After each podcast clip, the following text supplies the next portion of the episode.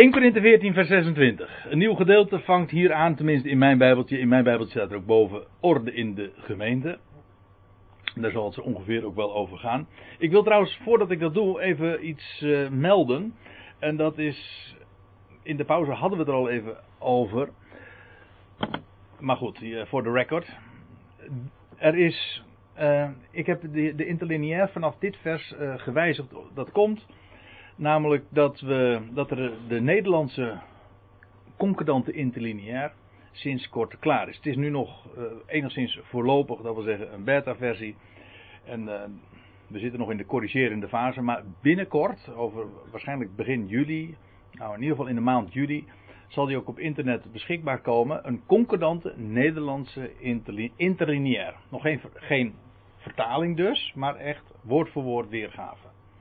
En dat is wat ik uh, nu dus uh, ook kan, uh, kan laten zien. En zo af en toe zal ik daar dus ook toelichting op geven. op bepaalde tekentjes, bijvoorbeeld zo'n verticaal streepje daarvoor wil zeggen dat het tegenwoordige tijd is. Als dat tekentje ontbreekt, dan wil dat gewoon zeggen dat het een aorist is. Feit dat gesteld wordt. En dat geldt van meer woorden die ik dan nou, in de loop van de tijd vanzelf wel zal gaan toelichten. Maar we hadden dus altijd een. De tweede regel was de concordant, de concordant version, dat wil zeggen de, de Engelstalige regels. Maar goed, ik vind het een groot voordeel dat we nu over kunnen gaan op een Nederlandse concordante regel. Zelfs voor degene die voor wie Engels uh, gesneden koek is of redelijk makkelijk volgen, uh, is dit toch een groot voordeel, want ja, dit is je moedertaal.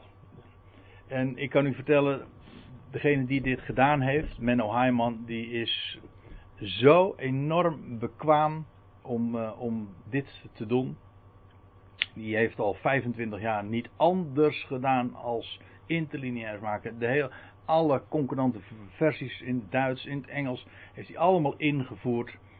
Nou, die heeft er tienduizenden uren. En wat ik nu zeg is dus echt niet overdreven. Tienduizenden uren heeft hij daarin gestoken. En nu dan uh, is er een, Nederlandse concordante interlineair. Feitelijk heeft hij dat maar in een paar maanden tijd gedaan. Maar inmiddels was hij zo al gereed gemaakt om dit te doen. Dus ja, dit kon, uh, kon makkelijk. Maar het zit er uh, echt perfect uit. Ik ben er ontzettend blij mee. Dat ik er nu zelf ook mee kan gaan werken. Dat ik het kan presenteren.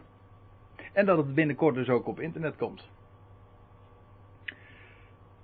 van het Nieuwe Testament, het Oude Testament, dat uh, moet nog gaan gebeuren. Wanneer, dat, uh, wanneer we daar een begin mee gaan maken, dat hangt er nog even om. Maar zover zijn we dus al.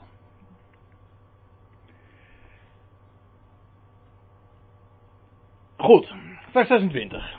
Dat is eventjes wat de, de interlineair betreft.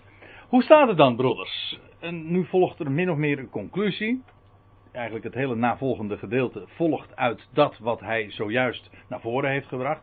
Telkens, uh, of wanneer jullie dan ook maar samenkomen, heeft een ieder iets. Dat ze kwamen bij elkaar, we hadden al eerder vastgesteld, dat was in huizen van.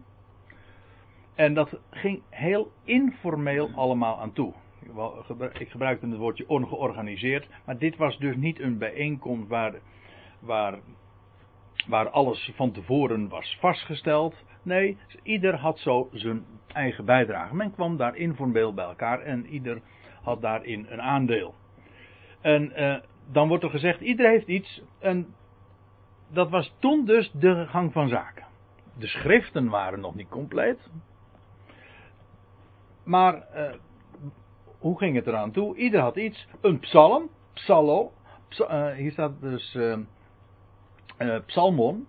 Maar dat woord psalmen, dan denken wij eigenlijk automatisch al aan een van de 150 psalmen die we in het Oude Testament vinden. Maar ik zal u dit vertellen, toen hadden ze echt nog geen berijmde psalmen.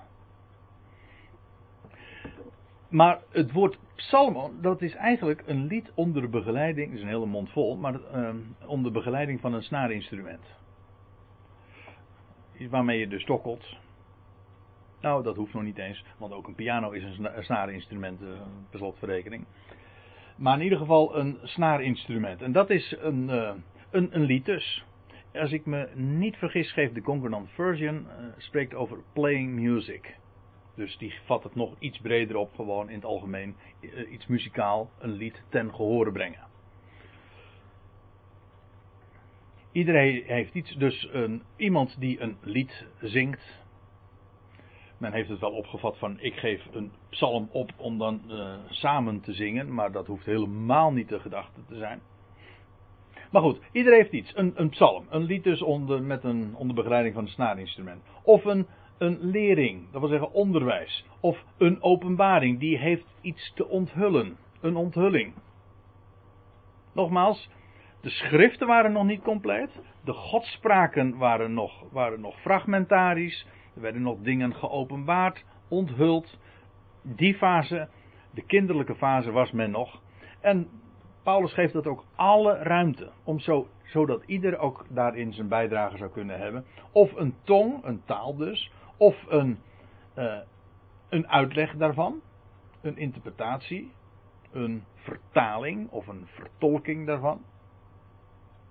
En dan zegt Paulus dat alles moet tot stichting geschieden. U ziet, letterlijk staat hier, laat het uh, geschieden tot opbouw. Niet dat moet, dat moet niet, dat moet geschieden, laat het geschieden in opbouw. Het is de toon die de muziek maakt. We zullen trouwens in dit gedeelte trouwens nog heel wat keren zien dat daar in de vertaling, de MBG-weergave, gesproken wordt over moeten.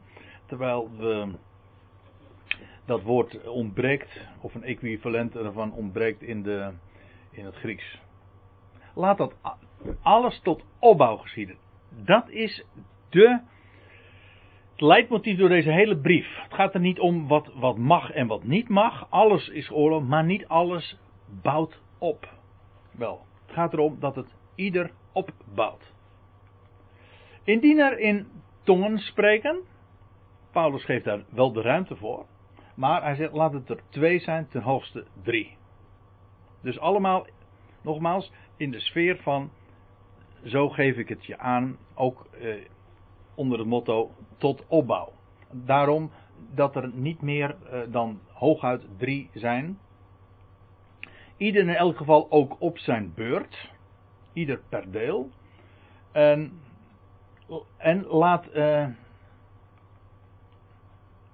en laat één, niet een, laat één uitleg geven.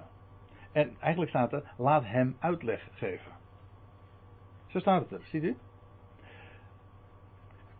Dus degene die het spreekt, die in een tong spreekt, die zou het dan ook uitleggen. Zodat de andere mensen er ook door worden opgebouwd. Het kunnen begrijpen in elk geval. Is er echter geen uitlegger, of letterlijk in het geval echter hij geen uitlegger is, dan moet men zwijgen. Ook hier weer, laat hem zwijgen. In de Ecclesia, in de uitgeroepen vergadering. Maar tot zichzelf en tot God spreken. Dus iemand heeft een taal, maar weet niet wat het betekent. Wel, Paulus zegt, mond houden dan. Want het zou, het zou niet zijn tot opbouw. En als je dan in een tong wil spreken, wel doe het dan zachtjes in jezelf. En spreek uh, in jezelf en zo tot God. Wat de profeten betreft, laat ik wat uh, doorgaan. Wat de profeten betreft, en nou gaat hij iets soortgelijks over hen zeggen. Uh, twee of drie mogen het woord, uh, mogen het woord voeren. Ook hier niet mogen het woord voeren. Maar laat drie of twee, uh, pardon, twee of drie het woord voeren. Laat hen het spreken. En de anderen moeten het beoordelen. Dat is de vierde keer trouwens dat ik nu even in deze twee, drie versen dat we het woordje moeten in de vertaling tegenkomen. Maar iedere keer staat er, uh, laat hen uh, en de anderen zouden het beoordelen. Of uh, onderscheiden. Ons woord, discriminatie komt hier ook vandaan. Dia, wat is het? Di, uh.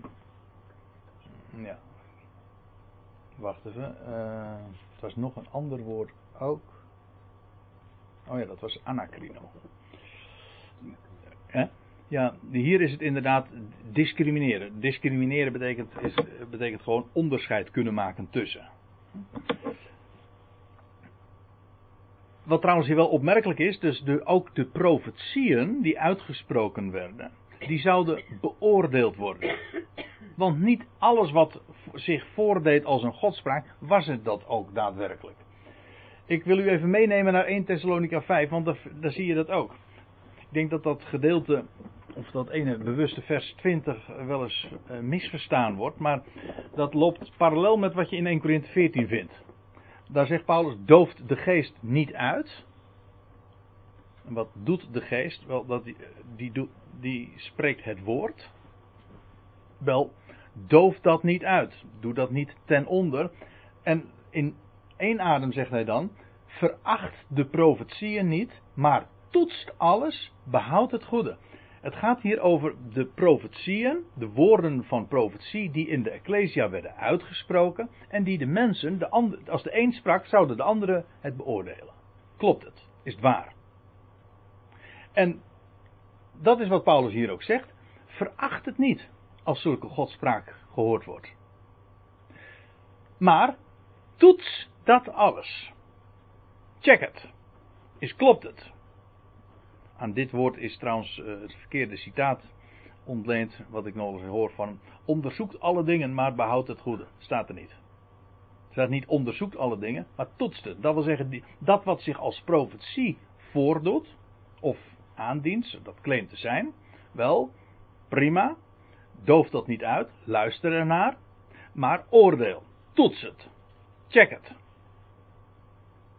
En nou komt trouwens toch nog uh, via een, uh, een andere route. Maar dezelfde gedachte dringt zich ook voor ons op. Want weliswaar kennen wij de profetie niet meer, want de profetieën zijn opgehouden. Maar ook vandaag spreken er mensen vanuit het woord. Dat geldt voor mij, dat geldt voor iedereen. Voor iedereen die het woord opent, dan is het nog zo als de een spreekt dat de andere oordelen. Het moet getoetst worden. Gecheckt. En ze, en zelfs van de apostel Paulus lezen wij, hij was in, in Berea. En wat deden ze? Ze waren daar wel, ze waren daar edeler dan die in Thessalonica waren. Want zij gingen dagelijks de schriften na of deze dingen die Paulus dus sprak, inderdaad waar waren. Of het klopte. En ze gingen dat na in de schriften. In wat toen nog uiteraard het Oude Testament was. Checken. En dat wat zich vandaag ook in godsdienst, in de kerk, in de christenheid voordoet als, als woord gods, check het. Oordeel het.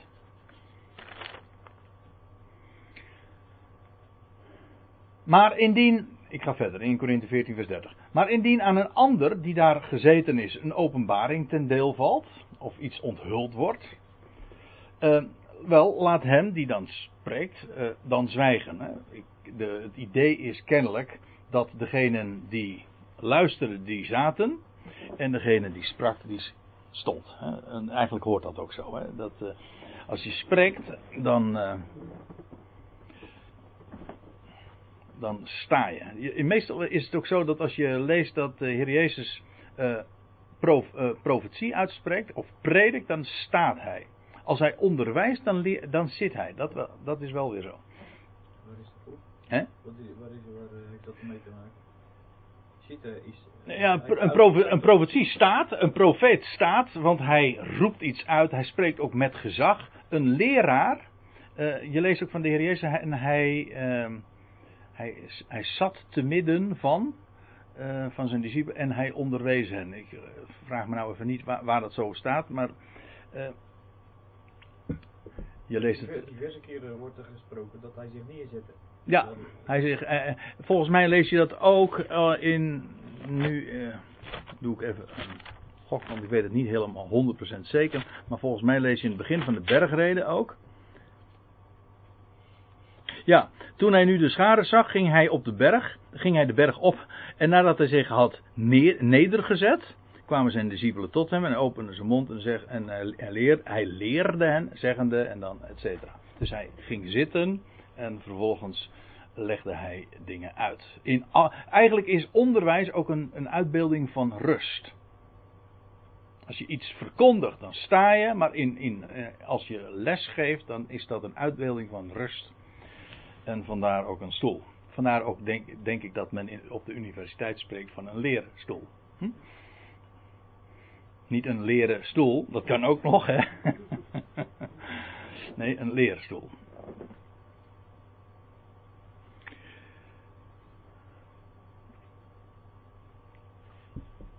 Dus ja, we, we, krijgen in deze verse ook een inkijkje hoe dat daar in dat huis van Gaius toeging.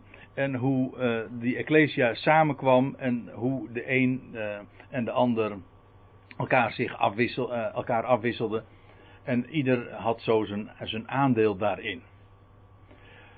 want gij kunt allen, zegt Paulus, jullie kunnen allemaal één voor één profiteren. opdat allen lering, en allen opwekking erdoor ontvangen. Hier is wel mooi. Onderwijs, dat wil zeggen, je leert ervan. Dat zijn de twee grote oogmerken ook van het spreken in de Ecclesia. Waarom is dat? Opdat je wijzer wordt. Je leert dingen. Dingen die je eerder nog niet wist, weet je nu wel. Dat is een heel belangrijk oogmerk, zodat je echt ook letterlijk en figuurlijk wijzer wordt. En de andere uh, gedachte is eh, er opwekking door ontvangen, zegt de MBG-vertaling. Of hier staat dat woordje parakaleo. Dat heeft te maken dus met aanmoedigen of bemoedigen. Dus vandaar ook dat zij bemoedigd zullen worden. Ik bedoel, dat is juist ook iets wat we ja, zo hard nodig hebben. Eh, in, gewoon in het alledaagse leven om bemoedigd te worden. Aangemoedigd, aangevuurd, daarom kom je ook bij elkaar. Niet alleen maar om te leren. Gaat niet alleen maar om informatie, maar dat je hart versterkt wordt. Zo is het. Dat, waardoor je dus met recht ook aangesterkt en e- energie weer krijgt daardoor. Moed, bemoedigd. Opdat alle lering, alle opwekking daardoor ontvangen. Paulus zegt dan iets in vers 32. De geesten van de profeten. Dat is een mooie uitspraak. De geesten van de profeten zijn aan de profeten onderworpen. En de gedachte daarachter is dat als je dat een, een, een profeet, iemand die uh, woorden God sprak, is, is een orakel, is een mond van God. Ja, maar hoe was het in het heidendom? Als iemand dan de geest kreeg, een, een, een geest kreeg, dan was die, was die had hij geen controle meer over zichzelf. Was hij in extase of in een staat van trance. Waarbij hij zich geen controle had over dat wat hij naar voren bracht. Wel, zegt Paulus. Degene die profeteert. Een regel, een stelregel daarbij is altijd dat de profeet zelf beschikt over zijn geest. Over dat wat hij doorgeeft. Zijn, over de boodschap die hij doorgeeft. Dat is in wezen ook een wat een geest is. Wat je niet kunt zien, maar wel kunt horen. En in het heidendom was dat absoluut niet het geval. We lazen al eerder in dit, deze hoofdstukken, 1 Korinthe 12 vers 2, dan zegt Paulus, zo begint hij eigenlijk ook. Jullie weten dat jullie toen jullie nog tot de natieën behoorden, dat gij u blindelings naar de stomme afgoden liet heen drijven. En nou, als, als je even je, je ogen dicht doet, hè, als je even blind wordt en je, en je probeert je dit voor te stellen, wat hier gebeurt, is dat ze, ja, dan denk je inderdaad aan trance eh, situaties, waarbij je door ja, ritme, bepaalde eh, lichteffecten, dat is een vrij modern uh, fenomeen waarschijnlijk, maar waardoor mensen in een bepaalde staat van trance gebracht worden en dat je ze alles ook kan vertellen en alles kunt wijsmaken. Mensen vooral passief gemaakt worden, zodat ze gemakkelijker in een andere bewustzijnstoestand eh, komen. Psychedelische effecten juist.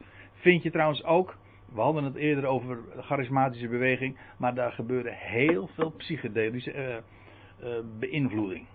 Waarbij mensen echt bewerkt worden door bepaalde muziek, bepaalde opzwepende, zweverige muziek, worden mensen met recht heen gedreven, weggevoerd de ziel wordt aangesproken, het is emotie. Mensen worden bewogen, mooi, niet vastgesteld, maar worden bewogen, niet in een, in een, zodat ze kritisch gaan denken, dat ze dat de, dat de mensen oordelen. Mensen moeten juist dat oordelend vermogen, dat kritisch vermogen wordt uitgeschakeld, zodat mensen in een bepaalde uh, modus, hoe zeg je dat, in een bepaalde bewustzijnstoestand, ik zou haar zeggen bewustzijnsvernauwing, gebracht worden, zodat het kritisch vermogen eigenlijk 0,0 meer is. Het voelt zo lekker. En dat, dat gebeurt niet alleen maar in popconcerten, dat soort toestanden. Of eh, bij dat soort evenementen. Dat gebeurt ook in de christelijke wereld. Hier een uitleg van uh, Statenvertaling over profeten der profeten en onderworpen. Leggen ze in de kanttekening uit onder andere profeten onderworpen. En dan nog een heel stuk aan.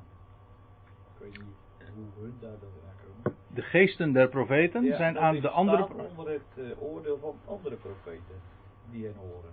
En aan welk oordeel zij ook zich gewoon onderwerpen.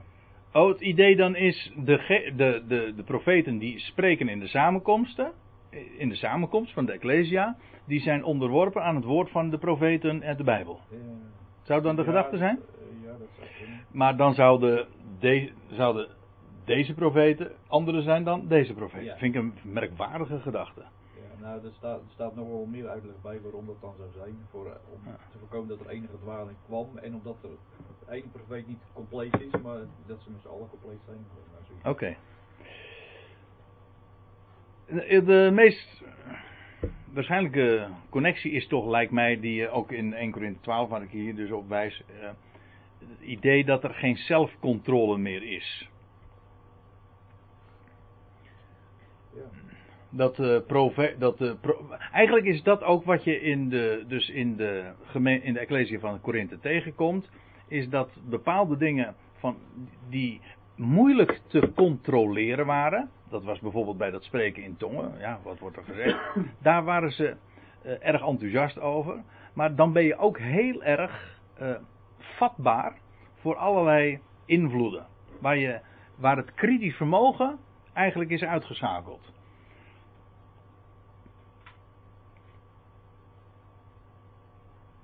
Nou, laat ik me even daartoe beperken. Het, het idee op zich natuurlijk dat die profeten, degene die spreken, eh, onderworpen zijn aan eh, het profetisch woord, de schriften, ja, dat lijkt me op zich uh, buiten kijf. Maar ik denk dat het verder gaat. Maar goed. Want staat er nog bij, uh, God is geen God van wanorde, maar van vrede.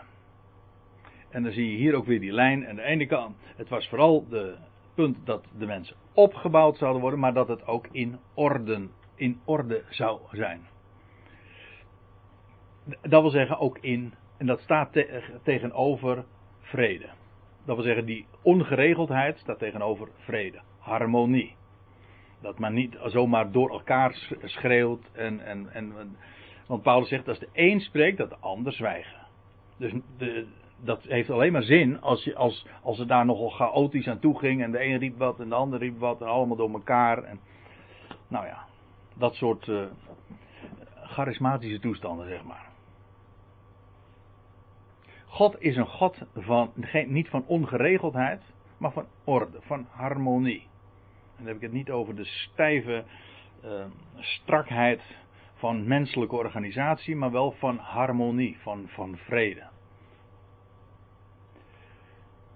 Ja, nou, krijg, oh, nou krijgen we een, een, een, zin, een woord, een vers dat uh, heftig in discussie is. Uh, maar voordat ik daar nu over verder ga, die, la, die eerste regel van vers 34 hoort, dat is vrij algemeen, wordt dat trouwens ook wel geaccepteerd, bij de voorgaande zin. Want God is geen God van ongeregeldheid, maar van vrede zoals in alle gemeenten der heiligen. Zoals in alle ecclesia's der heiligen. Punt. Dus dan hoort deze eerste regel van vers 34 bij, de, bij dit van vers 33. God is een God van vrede, zoals in alle ecclesia's van de heiligen. Dat is waar Paulus zich dus naar uh, op beroept. Ja, en dan Nou, krijgen we weer. We beginnen, beginnen met moeten.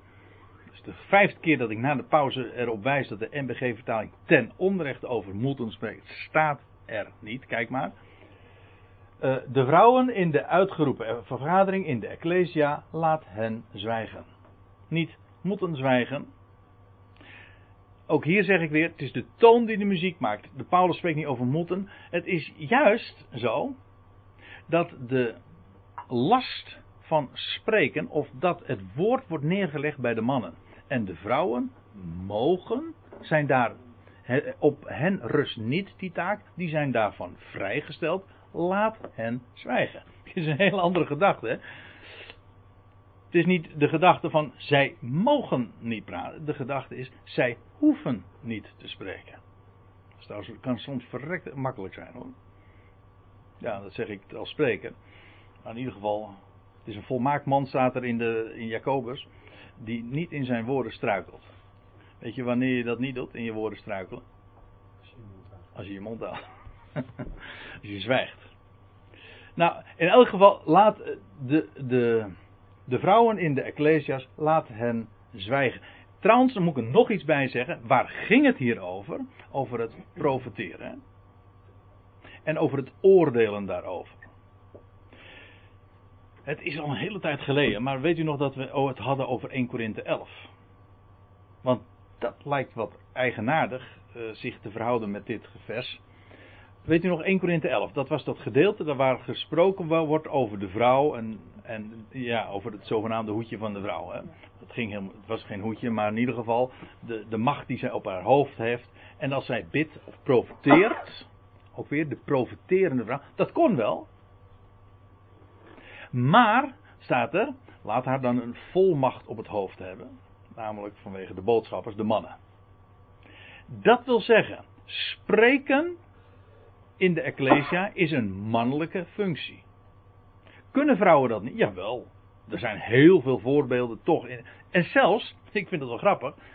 Paulus zegt dat hier in 1 Corinthië 14, vers 34. Maar in drie hoofdstukken daarvoor had hij juist nog een heel gedeelte gewijd aan vrouwen die profiteren. Hoe zit dat? Nou, als je dan weer met, die, met ethiek bezig bent, dan, dan, ga je, dan, dan stap je echt de verkeerde deur binnen. Want het gaat niet om ethiek, het gaat in, hier ook weer in de eerste plaats om begrip en typologie. Als je weet waar mannelijk voor staat, man, Paulus zegt in 1 Corinthië 11, de man is het beeld van God, de schepper.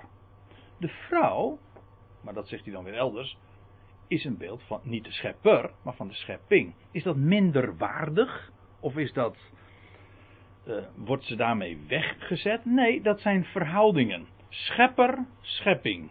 Mannelijk, vrouwelijk. De schepper spreekt zijn woord en de man, als beeld van God, wordt geacht het woord te spreken. En als een vrouw het doet, dat kan, maar het is een mannelijke functie.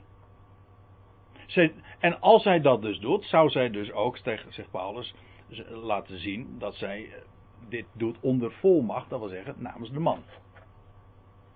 Dus dat kan, in de Bijbel vind je heel wat vrouwen, als, je, als het er nou helemaal om gaat, toch wel. Het is een minderheid, oké. Want de normale gang van zaken, dat dit is weggelegd voor de man. Maar je vindt de dochters van Filippus, ze waren profetessen. Nou, de bekendste profetes is ongetwijfeld die we kennen uit de Bijbel. Deborah. Een bij. Hm? Een bij is daar ook, weer iemand die het, woord, honing, doorgeeft. Maar goed. Uh, de algemene gedachte is: spreken in de ecclesia is een mannelijke functie. En ik denk wel eens een keertje. Dus, ja, misschien, ja, laat ik dat dan bij deze maar zeggen. Uh, dat heel veel gemeenten, ecclesia's of kerken, daar, uh, zelfs als daar een man op de kansel staat, dan zijn het nog vrouwen. Is, is het een vrouwelijk woord wat men doorgeeft. Niet. Ja, het is, het is maar niet alleen een, kwestie van seksenverschil. Het gaat er ook om dat daar niet het, het, woord van de God gebracht wordt, maar vooral een woord van gevoel. En waarbij het vooral gaat om emotie. Maar daar is op zich ook niks mis mee, maar het zou in de Ecclesia niet gesproken worden. Het zou, eh, Paulus zegt trouwens in 1 Korinthe 16, ik weet niet of ik het eh, zo snel kan vinden. Ja, hij zegt in 1 Korinthe 16 vers 13, blijft waakzaam, staat in het geloof, wordt mannelijk, weest versterkt. Weet je meteen ook wel mannelijk voor, voor staat. Dus daar, daar komt veel meer bij kijken. Uh, dan alleen maar de, de vraag van, van mag, dat, mag een vrouw nou wel spreken of niet. Het is een mannelijke functie. Dat is het belangrijkste. En laat, daar, laat daarom de vrouwen zwijgen. Leg hen niet die last op. En, want het is haar niet vergund. Het, het, het wordt niet toegestaan aan hen te spreken. Ja, dat wil zeggen? Staat vertaling, toegestaan. Ja, klopt. Uh, te spreken, en hier is dat uiteraard ook dat profiteren. Dat wil zeggen met gezag spreken. Het is namelijk een mannelijke uh, bezigheid. En dat spreken is inderdaad met gezag spreken. Dat zie je, want zij moeten, de zesde keer geloof ik uh, na de pauze, zij moeten ondergeschikt blijven. Maar laat hen ondergeschikt zijn, laat hen onderworpen zijn. De man hoofd en de vrouw uh, als beeld van de schepping uh, zal daaraan zich onderschikken. Daarom de vrouw die, op de, uh, die als het gaat om dat soort dingen het woord doorgeven met gezag zich terugtrekt. Wel onder volmacht. Hè? Wel En, onder volmacht. en als ze spreekt dat dat een, onder volmacht. Het is een, dat is wat Paulus hier zegt. Het is, een, het is een mannelijke zaak. En laat hen daarom ondergeschikt zijn. Zoals, dan zegt Paulus, eh, zoals ook de wet zegt. Dat wil zeggen, eh, ook de Torah, de Tenach, de Bijbel eh, zegt dat ook. Het gaat er niet om van, dat de gelovigen onder de wet staan, maar het punt is, dit is een universeel principe. Zo, het mannelijke staat voor God, het vrouwelijke staat voor de schepping. Het woord en met gezag, het hoofdschap, heeft altijd te maken met de man. En eh, dat, dat wordt tegenwoordig niet meer begrepen. Maar goed, dat is ons probleem niet. Ik vind het ook heel van- vanzelfsprekend dat dat zo is. Als je eenmaal de typologie verstaat, dan begrijp je waarom de bepaalde dingen voor mannen zijn weggelegd en andere dingen niet. Ja, zo, zijn, zo is dat. Heeft meer met eh, typologie en dat is een universeel principe. En dat zie je dan ook wat Paulus dan zegt in, eh, in 1 Korinthe 11. Eerst is de man geschapen, daarna de vrouw. De vrouw werd geschapen om de man. En trouwens in de praktijk, en dat is trouwens het argument wat Paulus in 1 Korinthe, nee, in 1 Timotheus 2 er nog bij haalt. En dat is dat hij zegt, en eh, niet de man is in verleiding gevallen, maar de vrouw. En dat is een, dan kun je zeggen, dat is een argument met een knipoog. Maar daarmee is ook gegeven, eh, al ge- gezegd en gegeven dat toen dat de eerste de beste keer dat de vrouw inderdaad de functie van de man overnam, ten onrechte, het meteen fout ging. En da- daarbij is ook de gedachte, en misschien dat we het beste voor vanavond daarbij kunnen laten. In het algemeen is daar ook mee gezegd dat de vrouw veel sterker, dat is een algemeen bekend verhaal wat ik natuurlijk nu zeg, veel meer zich laat leiden, ook eh, veel meer geregeerd wordt door emotie. Dat is haar kracht, gevoeliger is, maar het is ook haar zwakheid. Want als het gaat om leiding, zou je niet eh, gevoel, maar juist het verstand, het, de ratio, eh, de, de leiding moeten hebben. Vandaar ook het, het hoofd. De man staat voor het hoofd, terwijl de vrouw heeft juist sterk te maken met, met het gevoel en met, met de ziel. Maar als het gaat om het spreken, en dat bedoelde ik net ook met, er ook op de kansel zijn er heel veel mannen die in werkelijkheid vrouwelijk, vrouwen zijn. Dat wil zeggen, die vooral het gevoel laten spreken. En dan, denk, en dan geldt ook nog weer het woord van Paulus in 1 Corinthië 14. Laat hen zwijgen. Het woord Gods, mannelijk woord, zou klinken. En dat is universeel, ook de Torah of de Tenach zegt dat. Nou ja, over vers 35 zullen we de volgende keer de draad oppakken. Ik had even gehoopt dat ik het misschien nog af zou kunnen ronden, maar ja, vijf versen nu in, uh, in, drie, uh, in drie minuten of in vijf minuten afhandelen, dat ga ik echt niet doen. Dus we pakken gewoon dan uh, de draad weer op de volgende keer bij vers 35.